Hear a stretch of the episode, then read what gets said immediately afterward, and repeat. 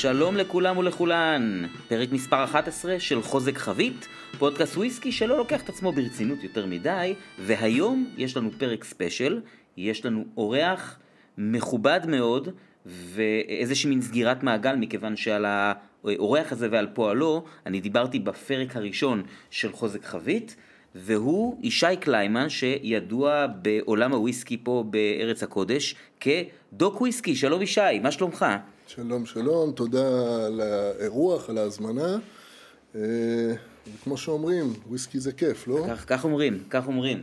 אז אה, אני אה, אתחיל בלהציג אותך מהעיניים שלי, ואז אתה תעשה את שאר העבודה ותציג את עצמך במה שאני אחסיר. אני הרבה מאוד שנים עובד בתעשיית האלכוהול, זה כבר מי שמאזין לפחות שניים שלושה פרקים יודע, אבל היה לי איזשהו נתק מעולם הוויסקי.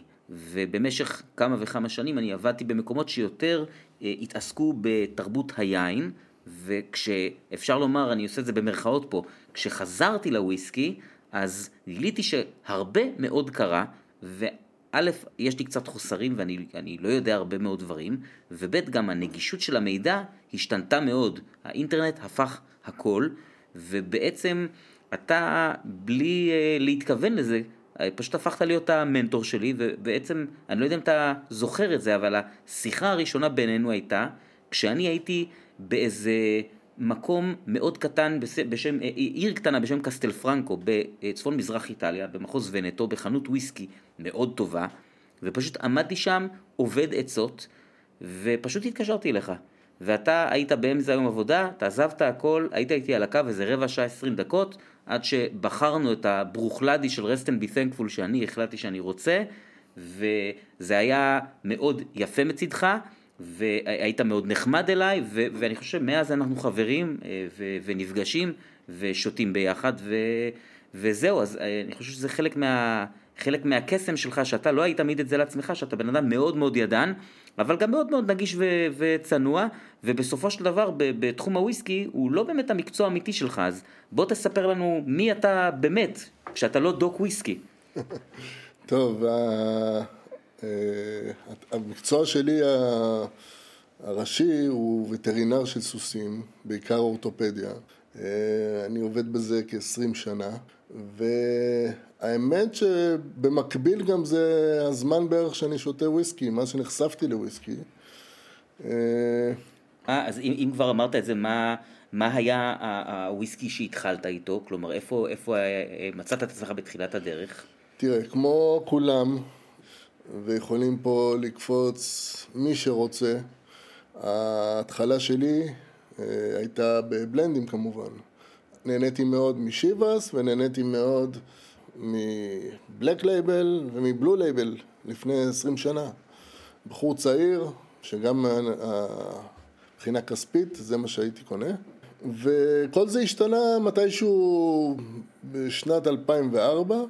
אני לא אשכח שהייתי בניו יורק אצל אח שלי והגיעו שלושה בקבוקים של Macallan cask strength בן עשר, בקבוקים שעלו אז בסביבות ה-75-80 דולר.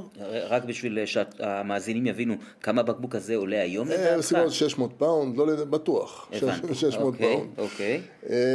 וזה מקבילו הנוכחי, רק ברמה קצת פחות אה, טובה, או אולי נקרא לזה ה Macallan Classic Cut, mm. שהוא גם בחוזק חבית, אבל יש האומרים, וגם אני, שכנראה שזה לא אותו... אותו, אותו תזקיק, mm-hmm. באותה רמה, בוא נאמר ככה. אה, אבל לא משנה, זה היה הנקודה בה שיניתי את המבט שלי על, על וויסקי, והפנינו יותר תשומת ליבנו, אני ואח שלי, שהוא שותף לדרך שלי, לכיוון הסינגל מלטים. ונפתח עולם חדש בפנינו, עולם ש, שנפתח בפני הרבה אנשים שהם שותים סינגל מלט לראשונה. אוקיי, okay, אז, אז בעצם הוויסקי הראשון שאפשר לומר שאהבת אותו היה המקלן הזה, והאם אתה חושב שיש איזושהי מזקקה, שאתה יכול להגיד שהיא המזקקה הראשונה שתפסה את תשומת לבך כמזקקה אהובה באיזושהי אז צורה? אז בוא, בוא נחלק את זה לכמה אה, דרכים. קודם כל יש מזקקות שאני מאוד אוהב. אחת המזקקות הראשונות שמאוד אהבתי ועד היום אני אוהב, היא בן רומח, מזקקה שנפתחה מחדש בשנת 95, ומייצרת single maltים old fashioned, הם נמצאים ב Speyside ועושים וויסקי שמשלב טיפה טיפה עשן בתוכו, או כבול. זה וויסקי שאני מאוד אוהב לשתות, מאוד אוהב את החוויות הבודדות שלהם, וקונה המון מזה.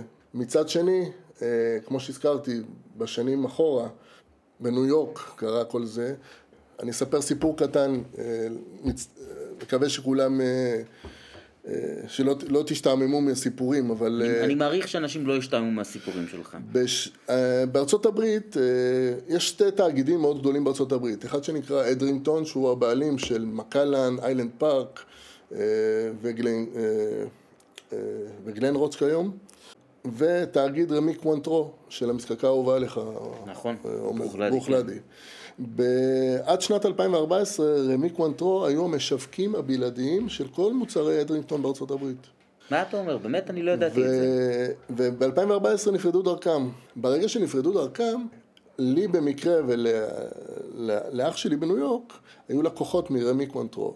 וקיבלנו רשימות של... בוא נגיד של הבקבוקי מקלן שנשארו לפני, לפני שרמי עוזבים אותם. ושם החל התהליך של לאסוף וויסקי אצלי, והשקענו קצת כסף, קנינו בקבוקים שהם קצת מעבר לכיס הממוצע, ודבר שכיום כמובן שהסיבה הייתה, הסיבה אולי הייתה בוא נגיד ככה, רווח, רווח גדול יש על הבקבוקים האלה כיום. Mm-hmm. לא מצטערים על המהלך הזה, אבל זה, אני תמיד אומר לאנשים, יש, יש כמה נישות בוויסקי, יש לשתות וויסקי, יש לאסוף וויסקי, יש אנשים שאוהבים לאסוף, ולא צריך גם להתלונן, בן אדם אוהב להסתכל על הבקבוקים שלו, או שהוא ישתה אותם בסוף, או שימכור אותם בסוף. זה הנישה השנייה, והנישה השלישית היא כמובן השקעה בוויסקי. בן אדם שמשקיע לטווח הקצר או לטווח הארוך בוויסקי, ו... אה, מי שייכנס לזה ממש יראה שיש בזה תשואות לא קטנות. זהו, קצת אה, גלשתי מהשאלה. זו הייתה תשובה אה, טובה, כי בעצם, בעצם אני, אני אסכם את זה למאזינים, אמרת בעצם, ששאלתי אותך על המזקקה האהובה עליך, יש מזקקה שאתה אוהב לשתות אותה, ואתה אוסף אותה, יש מזקקה שאתה אוהב לשתות אותה, לשתות בה, את התוצרת שלה, ואתה משקיע בה, ויש לך גם בלי קשר לזה אוסף וויסקי שהוא בכלל לא קשור למזקקה אחת, אלא יש לו איזה מין אה, נושא או איזושהי תמה כזו. נכון. אה, אוסף של וויסקי הוא מה שדיברנו, וכמובן, טוב שהזכרת את זה, הנושא. כמו גם מישהו שאוסף בולים, יש לו נושא מסוים שהוא, או שהוא אוסף בולים שהם אה, עם ציפורים, או מארץ מסוימת וכולי, אותו דבר בוויסקי. אוסף יכול להתבסס על מזקקה מסוימת, או על finish מסוים בוויסקי או... וכולי, או משנה מסוימת, יש המון שאוהבים את השנת לידה שלהם, יש כל מיני נושאים שהם הבסיס לאוסף. והבסיס אה, של האוסף שלך, אם אתה... אצלי יש לי חוויות בודדות של Benromach, שכמובן הם לא עושים תשואה גבוהה, הם נורא טעימים, ואני שותה אותם לאט לאט. והאוסף השני הוא וויסקי שבילה בחביות רום כל חייו, או בתור finish.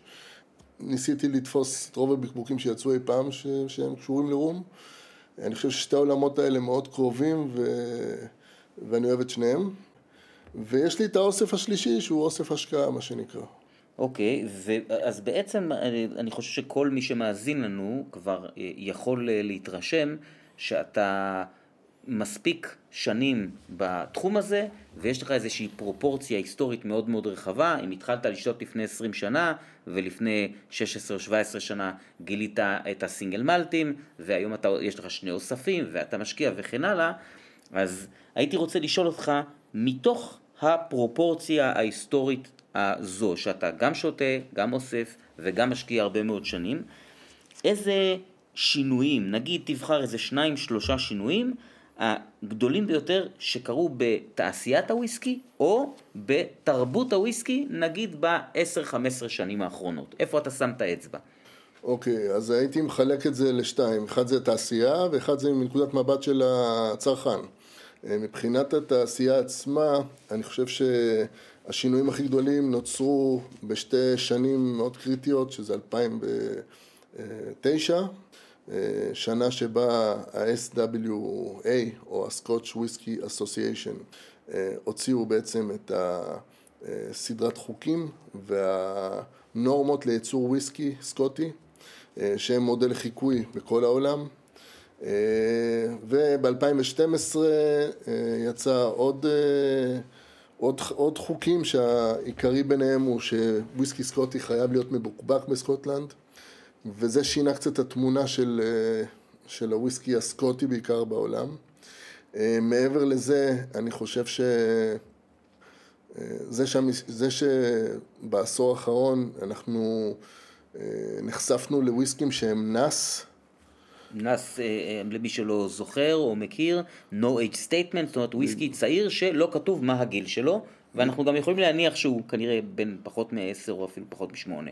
בדיוק, אז אני חושב שזה אחד השינויים שהתעשייה הזאת אה, סיפקה לנו בעשור האחרון, שבעצם הם אמרו לנו הגיל לא משנה כל כך. יש כאלה שהסכימו, יש כאלה שלא, אני אבל... סליחה שאני קוטע אותך, אני, אני רק רוצה להגיד מהצד שלי, ש... אני זוכר בוודאות הרבה מאוד שנים, כברמן שלא מבין הרבה, שמה שהיה חשוב זה הגיל. זאת אומרת, אמרו לנו, הגיל זה מה שקובע, ופתאום באו ואמרו, לא, הגיל בכלל לא קובע. נכון, זה, זה אחד מהשינויים שנע, שנעשו בעשור הזה. אה, יש כאלה שיגידו שזה קרה בגלל מחסור בוויסקי, והתחילו למכור וויסקי שהוא בגיל אה, צעיר יותר. לא, לא סגור על זה אם זאת הסיבה, יכול להיות שזה שינויים שמוחלטו בתאגידים עשר שנים לפני כן, או חמש שנים לפני כן, כי דברים לא נעשים שם מיום ליום, אלא זה הכל דברים שמתוכננים קדימה הרבה שנים. יש אה, עוד שינוי שהוא בום ענקי של מזקקות שנפתחו בכל העולם ובסקוטלנד, אה, מזקקות שהרחיבו את הייצור שלהם. יש, יש פה בוא נקרא לזה טיפוס מדרגה בכמות הייצור. אה, יש רבים שאומרים שהשוק הסיני נפתח והסינים שותים המון וכולי. אה, יכול להיות שיש בזה משהו, גם השוק האמריקאי כרגע נפתח, לפני חודש וחצי אה, אושרו בקבוקים בנפח של 700 מיליליטר להיכנס לארה"ב, זה רק אומר ש-300 מיליון איש יתחילו לצרוך וויסקים שלא יכלו להגיע לשם לפני כן, כי זה סיפור לעשות בקבוקים ב-750, במיוחד לשוק כזה. מי ש... סליחה שאני קוטע אותך, אבל מי שרוצה טיפה יותר להבין במה מדובר, לפני שניים שלושה פרקים, גם דיברתי על זה באיזושהי פינת חדשות, אז אפשר טיפה להבין יותר למה ישי מתכוון בנושא הזה. אה, אני אה, הייתי רוצה לשאול אותך עכשיו, איך אתה בתור צרכן חווית את השינויים האלה, נגיד, אה, בטעם האישי שלך למשל, כלומר, איזה דברים אתה עברת בתקופה שאתה שותה וויסקי? האם יש איזה נגיד משהו שהיום אתה שותה ופעם לא יכולת לשתות, לא היה לך טעים? אז אני אספר. כל אחד עושה את הדרך שלו. יש כאלה שמתחילים לשתות וויסקי מעושן וזהו, הם במעושנים, ופתאום אחרי כמה שנים טובות, בום, הם מתחילים לאהוב שרי בומס, אה, או וויסקי שעבר אה, בחביות sherry פעילות. או, או שפתאום הם מתחילים לאהוב אה, וויסקי שהוא בעצם ללא כל alteration, זאת אומרת וויסקי שהוא עבר בחביות ex bourbon, אה, אפילו במילוי שני, והוא רוצה להרגיש את התזקיק של המזקקה יותר מאשר את החביות אה, שעוטפות אותו. אצלי אישית זה התחיל באהבה לוויסקי עם sherry, בעיקר, משם עישון קל. וכמובן לעישון היותר כבד, היה תקופה שלא אהבתי בכלל את הכבדים המעושנים ממש מאיילה, אבל אה, זה תהליך שהוא משתנה, אני חושב שזה אצל כל אחד זה יקרה, זה קורה, וזה מצחיק שזה יכול לקרות גם הפוך, שמישהו שמתחיל מאוד מעושן, יום אחד יושב עם וויסקי שהוא איזה שרי בום ונהנה ממנו אותו דבר. אבל זה, זה השינוי האמיתי. אני יודע שאצלך, אה, אמרת בפרומו שהיית בתקופה שעבדת בעיקר ביין, אני חושב שזה ניכר בסוגי הוויסקי שאתה אוהב. כן, לחלוטין. בעיקר בפינישים של יין, משהו שאני לא מסתדר איתו כל כך, אלא אם כן הוא מעושן, אבל uh, זה מה שכיף, לא? שכל כן, אחד כן. יש לו את העדפות שלו, ו... לגמרי, אני מסכים. אני חושב שזה אחד השינויים, משהו שהוא דינמי, זה לא, הוויסקי זה לא משהו שהוא סטטי, אתה משתנה מה שאנחנו אוהבים, uh, הוויסקי משתנים, אפילו וויסקי בבקבוק מסוים יכול להשתנות עם הזמן, ואתה אומר וואו, פתאום הוא אחרת וכולי, אז... דרך אגב, אני, אם כבר מדברים על וויסקי שמשתנה לנו פה בכוס, וגם על מזקקות צעירות, וגם על מזקקות מהעולם הגדול, אני חושב שיש פה איזשהו בקבוק של וויסקי יפני שמונח כאן על השולחן, שאתה כן, כיבדת אותי בו. אני חושב שאנחנו צריכים לעשות לחיים. כן, אפשר, אפשר לעשות את זה לחיים פה. ואתה יכול, אם, אם אתה יכול, לספר לנו כן, זה קשור קצת לבקבק שלי. כן, אני חושב שזאת גם נקודת חיבור טובה למה שאתה עושה, ותכף אני אשאל אותך על זה. מה, מה יש לנו פה בעצם? בוא תספר לנו. אה, זה בקבוק ששלחו לי אותו מתנה. אני לא, לא ידעתי כמה הוא הולך להימכר במכירות הפומביות, אז פתחתי אותו. אבל לבקבוק שנמכר ב-800 פעם במכירות הפומביות. אה, קיבלתי אותו מתנה והוא נפתח, אה, זה בקבוק ממזקקה חדשה, יש לה וויסקי בין שלוש וחצי עד ארבע, מיפן, מזקקה יפנית אותנטית שנקראת שיזואוקה. מה שמייחד את הוויסקי הזה זה קודם כל שהוא מאוד טעים. ודרך אגב, מי שרוצה להתחבר לפינת החדשות של הפרק הקודם, הוא גם באמת יפני. זה לא רק קליגרפיה, לא, לא, גם הנוזל. הוא לא רק שהוא יפני, החבר'ה שם קנו את ה... את הדוד של מזקקת אה, קארו איזאווה האגדית, כמו שנקרא. בקבוקים של המזקקה הזאת אה, נמכרים באלפי אה, פאונדים. מזקקה שנסגרה, אם אני זוכר נכון, ב-2004? משהו כזה? קצת לפני. Mm-hmm. ומשם יצאו וויסקים אגדיים פשוט. אז הם קנו את ה... בעצם את הדוד של המזקקה הזאת ושימשו אותו מחדש. וזה הוויסקי הראשון שיוצא משם, הוא ב-55.5 אחוז, ולחיים. לחיים, אני חושב שהוא אה, הוא טעים בצורה בלתי רגילה. אני חושב שאם יש וויסקי, שמישהו היה שואל אותי, שאני יכול לתת לו דוגמה שגיל לא משנה, יש שני בקבוקים כאלה שבמקרה אתה מזגת לי משניהם, אחד זה השיזווקה הזה, והשני היה קילחומן בחבית בורבון בודדה שיועד לשוק הפולני.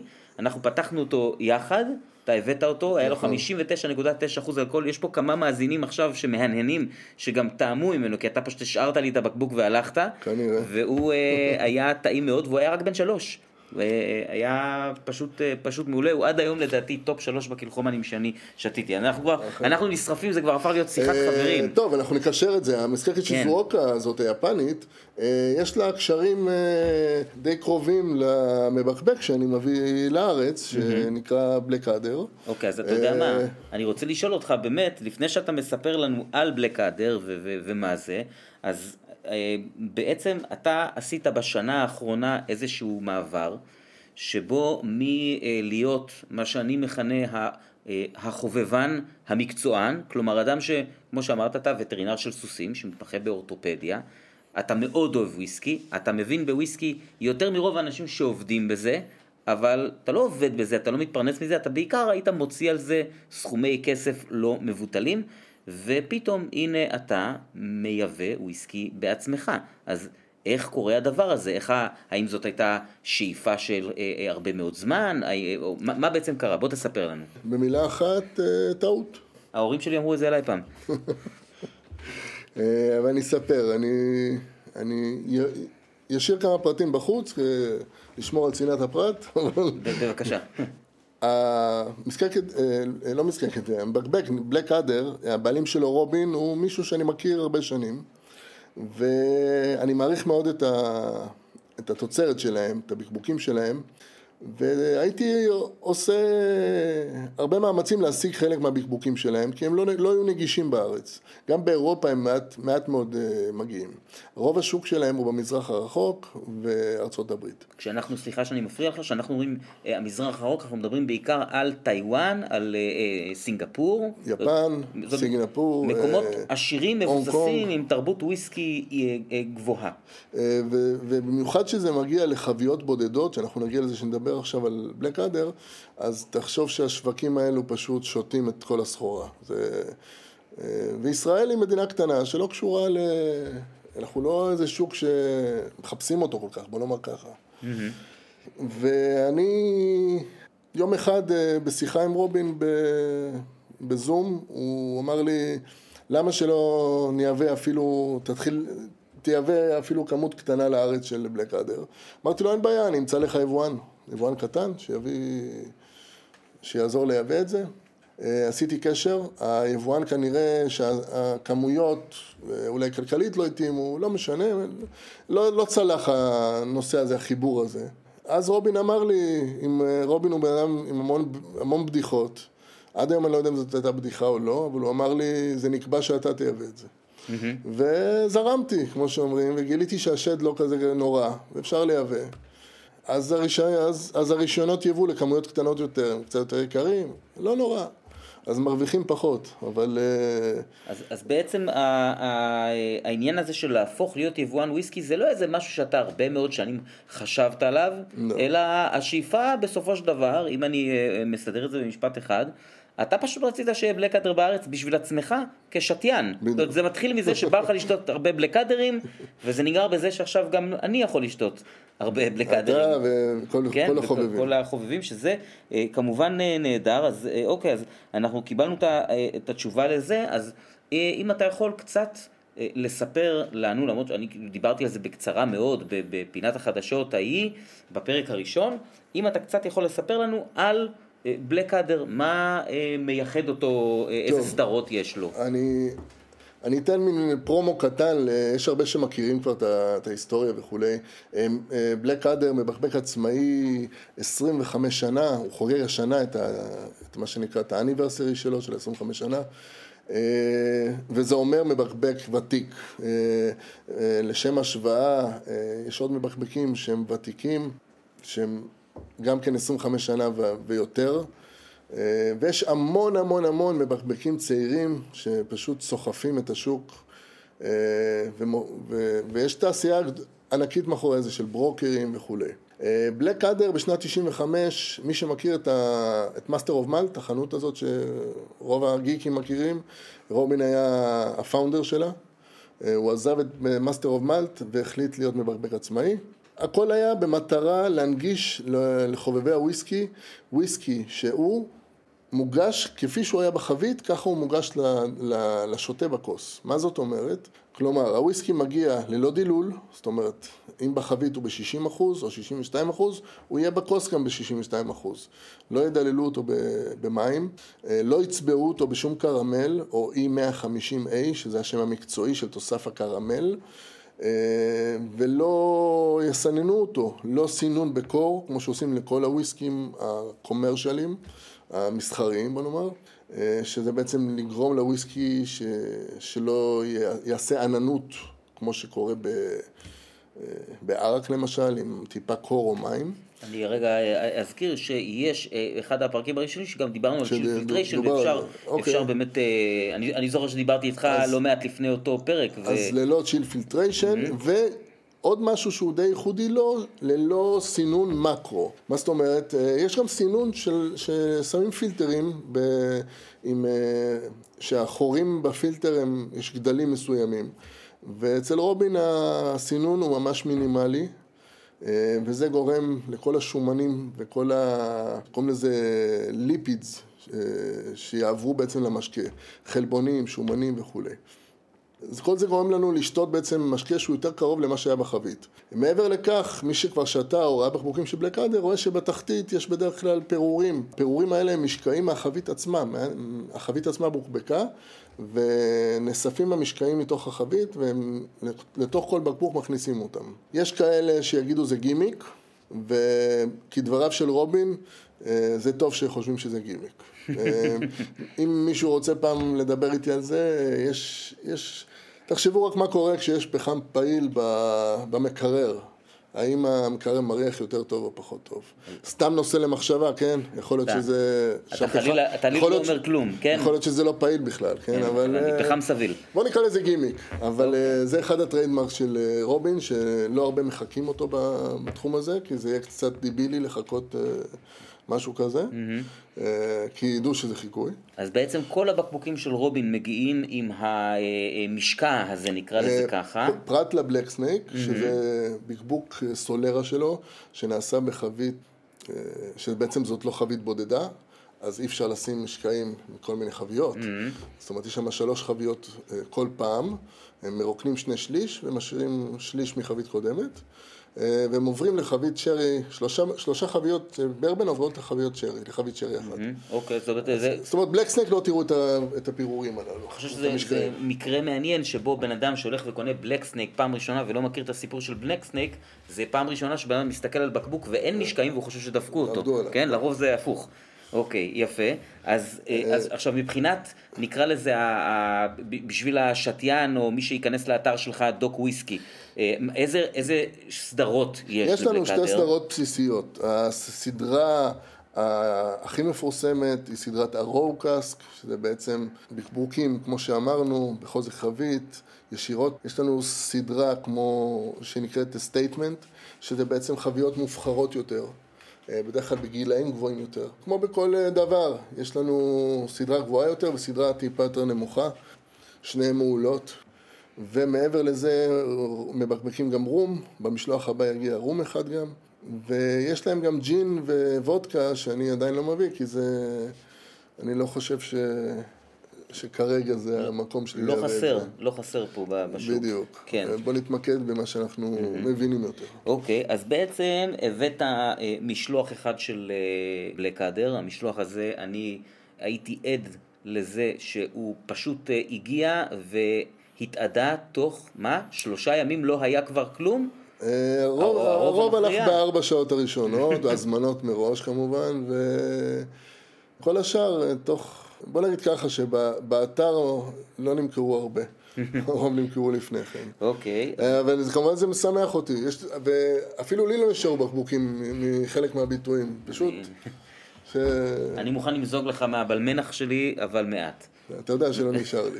כן. בקרוב הולך להגיע עוד משלוח של בלק אדר, שאמור אה, להגיע לנו ממש בשבועיים הקרובים, זה נכון לומר? אה, כן, כמו, לא יודע אם כולם יודעים, אבל אה, היו קצת אה, בעיות אה, עם, ה, עם הקורונה בזמן האחרון, עם, בעיקר מאנגליה, משלוחים ימיים, במיוחד האוניות שמגיעות מסין, אז אה, ועוברות דרך אנגליה, או ממקומות אחרים.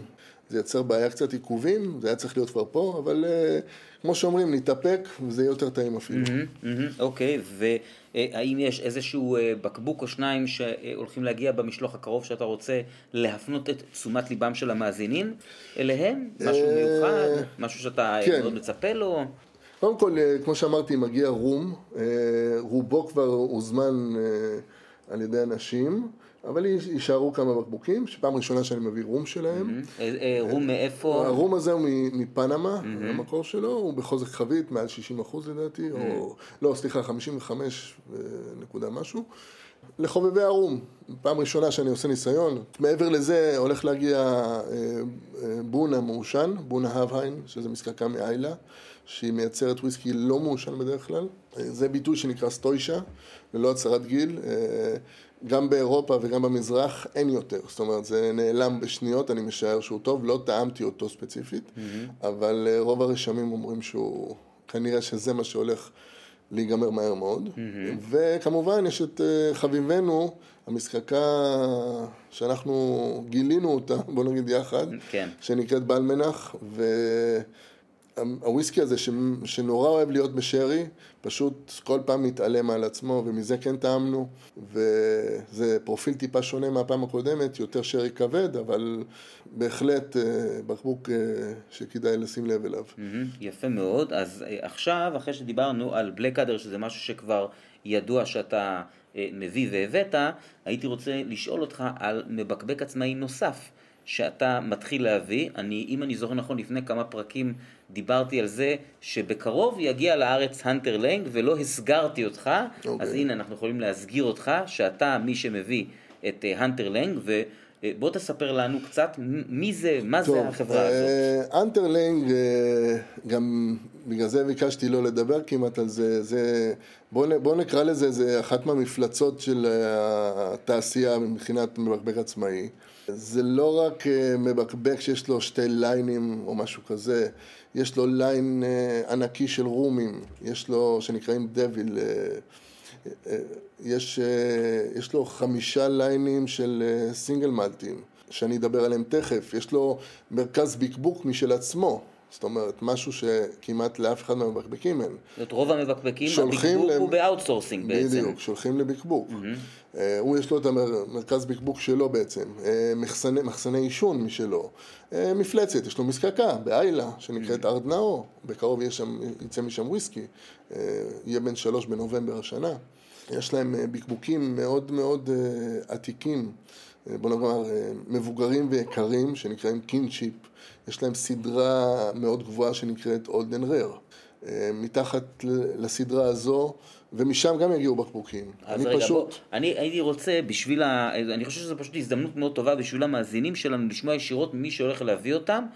אנחנו נתחיל עם ה Old and Rare, שאתה אומר שזו אוקיי. הסדרה הגבוהה ביותר. אה, אחרי ה Kinship, אבל אוקיי. ה Kinship זה, זה כבר אלפי פאונדים לבקבוק, אני לא, אני לא, אוקיי. לא אעז, בוא נאמר ככה. בוא נדבר על מה שאתה כן כבר אה, העזת כן. ובדרך לארץ. אז Old- ה Old and Rare הסדרה Rare הגבוהה. זה סדרה, אה, בוא נקרא לה הגבוהה ביותר. אה, סדרה שכמובן חוזק חבית, ללא צביעה, ללא סינון. בחירות אה, שהן בעיקר, חלקם בשרי וחלקם בבורבון, אה, בעיקר אה, refill בורבון, כדי להדגיש את התזקיק. אה, אין פה יותר מדי פינישים ומשחקים עם חביות אחרות, כי וויסקים בשנים, כשוויסקי מגיע לגיל כזה, כדאי לטעום אותו איכשהו. ואם. הוא לא מספיק טוב, יעשו לו finish. זה כלל אצבע. אוקיי, זאת אומרת, וויסקי בן 30 שיעשו לו finish, משהו, משהו לא היה בסדר בוויסקי.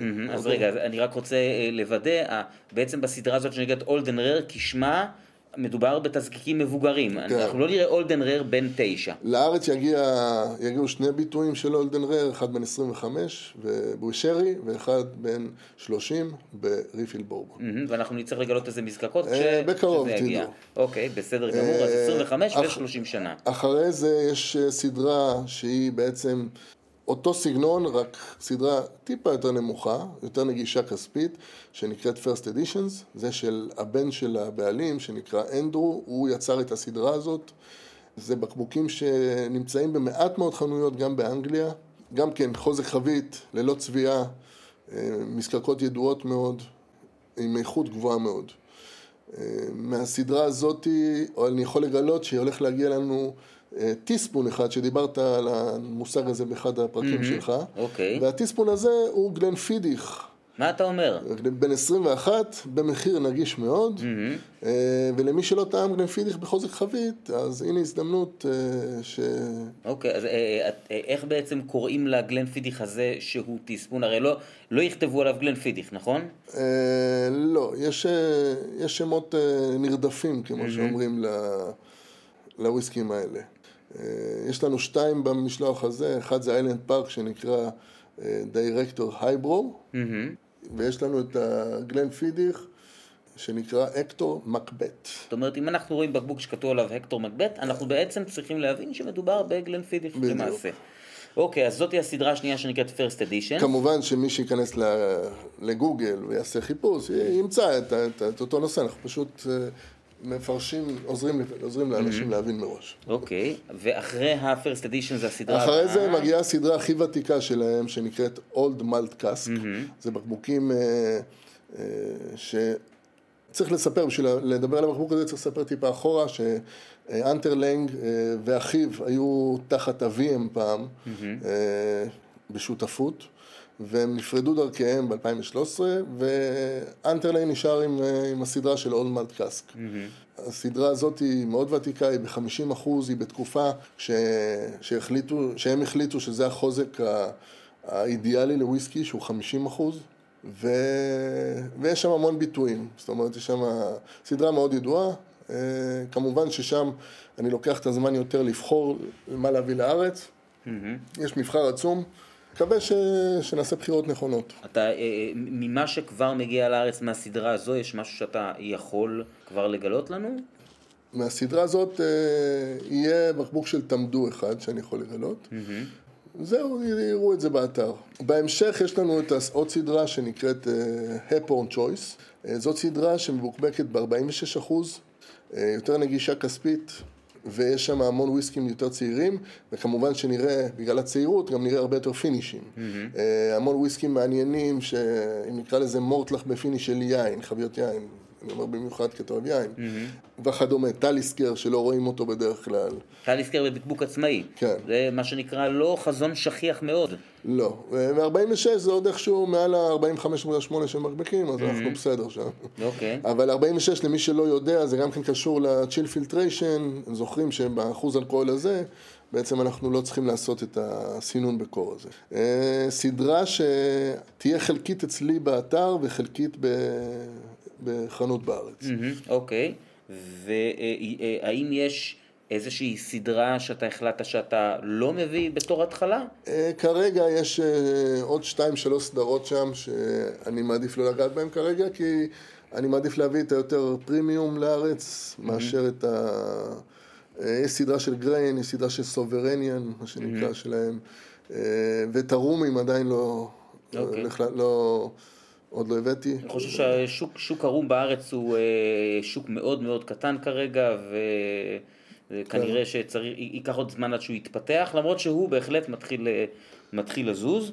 אה, אוקיי, אז תגיד... זאת אומרת, מכל מה שאתה רואה, זה בעצם יש לנו פה, אה, גם יש לנו אה, מבקבק שהוא, יש לו מזקקה ב Islay, זאת אומרת, הוא הולך להתחיל לייצר וויסקי שהוא הוא לא הולך להיות וויסקי של בקבוק עצמאי, הוא הולך להיות וויסקי, מה שנקרא, לכל השוק, אה, domestic.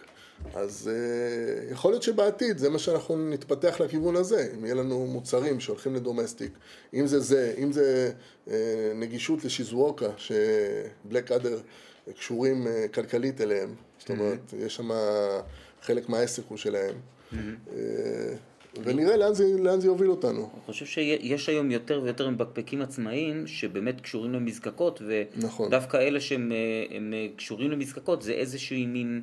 איזשהו מין תו איכות אולי, או אה, איזשהו תו לאיתנות אה, אה, כלכלית. גם איתנות, כזה. וגם אנחנו צריכים לזכור דבר אחד, שהמבקבקים העצמאיים החדשים שצצו להם בעשור האחרון, אין להם חוזים עם המזקקות.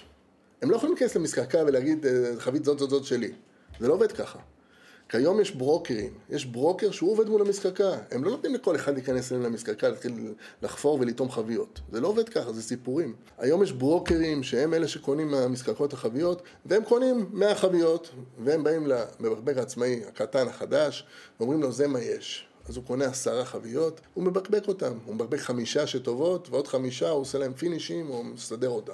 לעומת זה, מבקבקים עצמאיים ותיקים, כמו אנטרלנג מפלצת, כמו בלקאדר, אה, יש להם מזקקות שהם עובדים איתם בחוזים עתיקים, מחויבים ל- ל- לתת להם אה, חביות, ש... יש להם חביות ש- שלהם שהן בתוך המזקקה מתיישנות.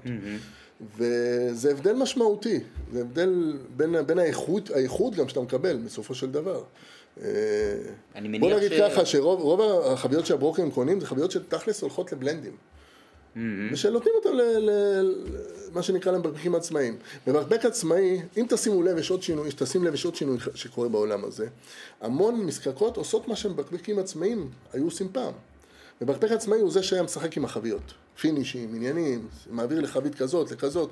היום המזקקות עצמן עושות את זה. אתה רואה מתוך מזקקה יוצאים ביטויים, עשרות ביטויים, כל מיני פינישים, כל מיני דברים. עשו רי-ראקינג, העבירו מחבית לחבית וכולי. אנחנו דיברנו על זה בנושא של אה, צבע פתאום. אז, אז נורא קשה למבקבקים עצמאיים חדשים להשתלב בתחרות הזאת שנוצרת גם עם המזקקות בוויסקים. זאת אומרת, אתה יכול לקנות היום וויסקי שהמזקקה עצמה מייצרת עם finish, לעומת מבקבק עצמאי. כלומר, מבקבק עצמאי ותיק, כמו למשל Blackadder או Hunter Laing, היתרונות שלו הם שבגלל החוזים העתיקים האלה, אני עושה פה סיכום למי שלא לגמרי הבין, בגלל הוותק שלו, יש לו חוזים מתקופה שאולי וויסקי היה קצת פחות פופולרי בעולם, והמזקקות חיפשו מי יחתום איתם חוזים. ל- כן, מי יחתום חוזה להרבה זמן, בעצם שהחוזה ארוך הטווח הזה היה פעם יתרון של מזקקה שידע שיהיה לה למי למכור, והיום זה הפך להיות היתרון של המבקבק, שיודע שיש לו ממי לקנות, יש לו יותר אולי מנעד יותר גדול של חומרים שהוא יכול לעבוד איתם באיזשהו אופן. תגיד, מכל, זה, זה מין אה, שאלה שהיא קצת אה, שאלה אישית כזאת, מכל הבקבוקים האלה שהבאת עד עכשיו או שאתה אה, הולך להביא, מה הבקבוק שהכי הכי אה, אהבת או שהכי ריגש אותך שהצלחת להביא אותו אה, לארץ? טוב, אה, אני אחלק את זה לשתיים. בקבוק ששתיתי אותו ממה שהבאתי אותו כבר, ממה שהגיע לארץ, זה ה Blackadder בן 22 אה, Bunnahabhain מ Islay.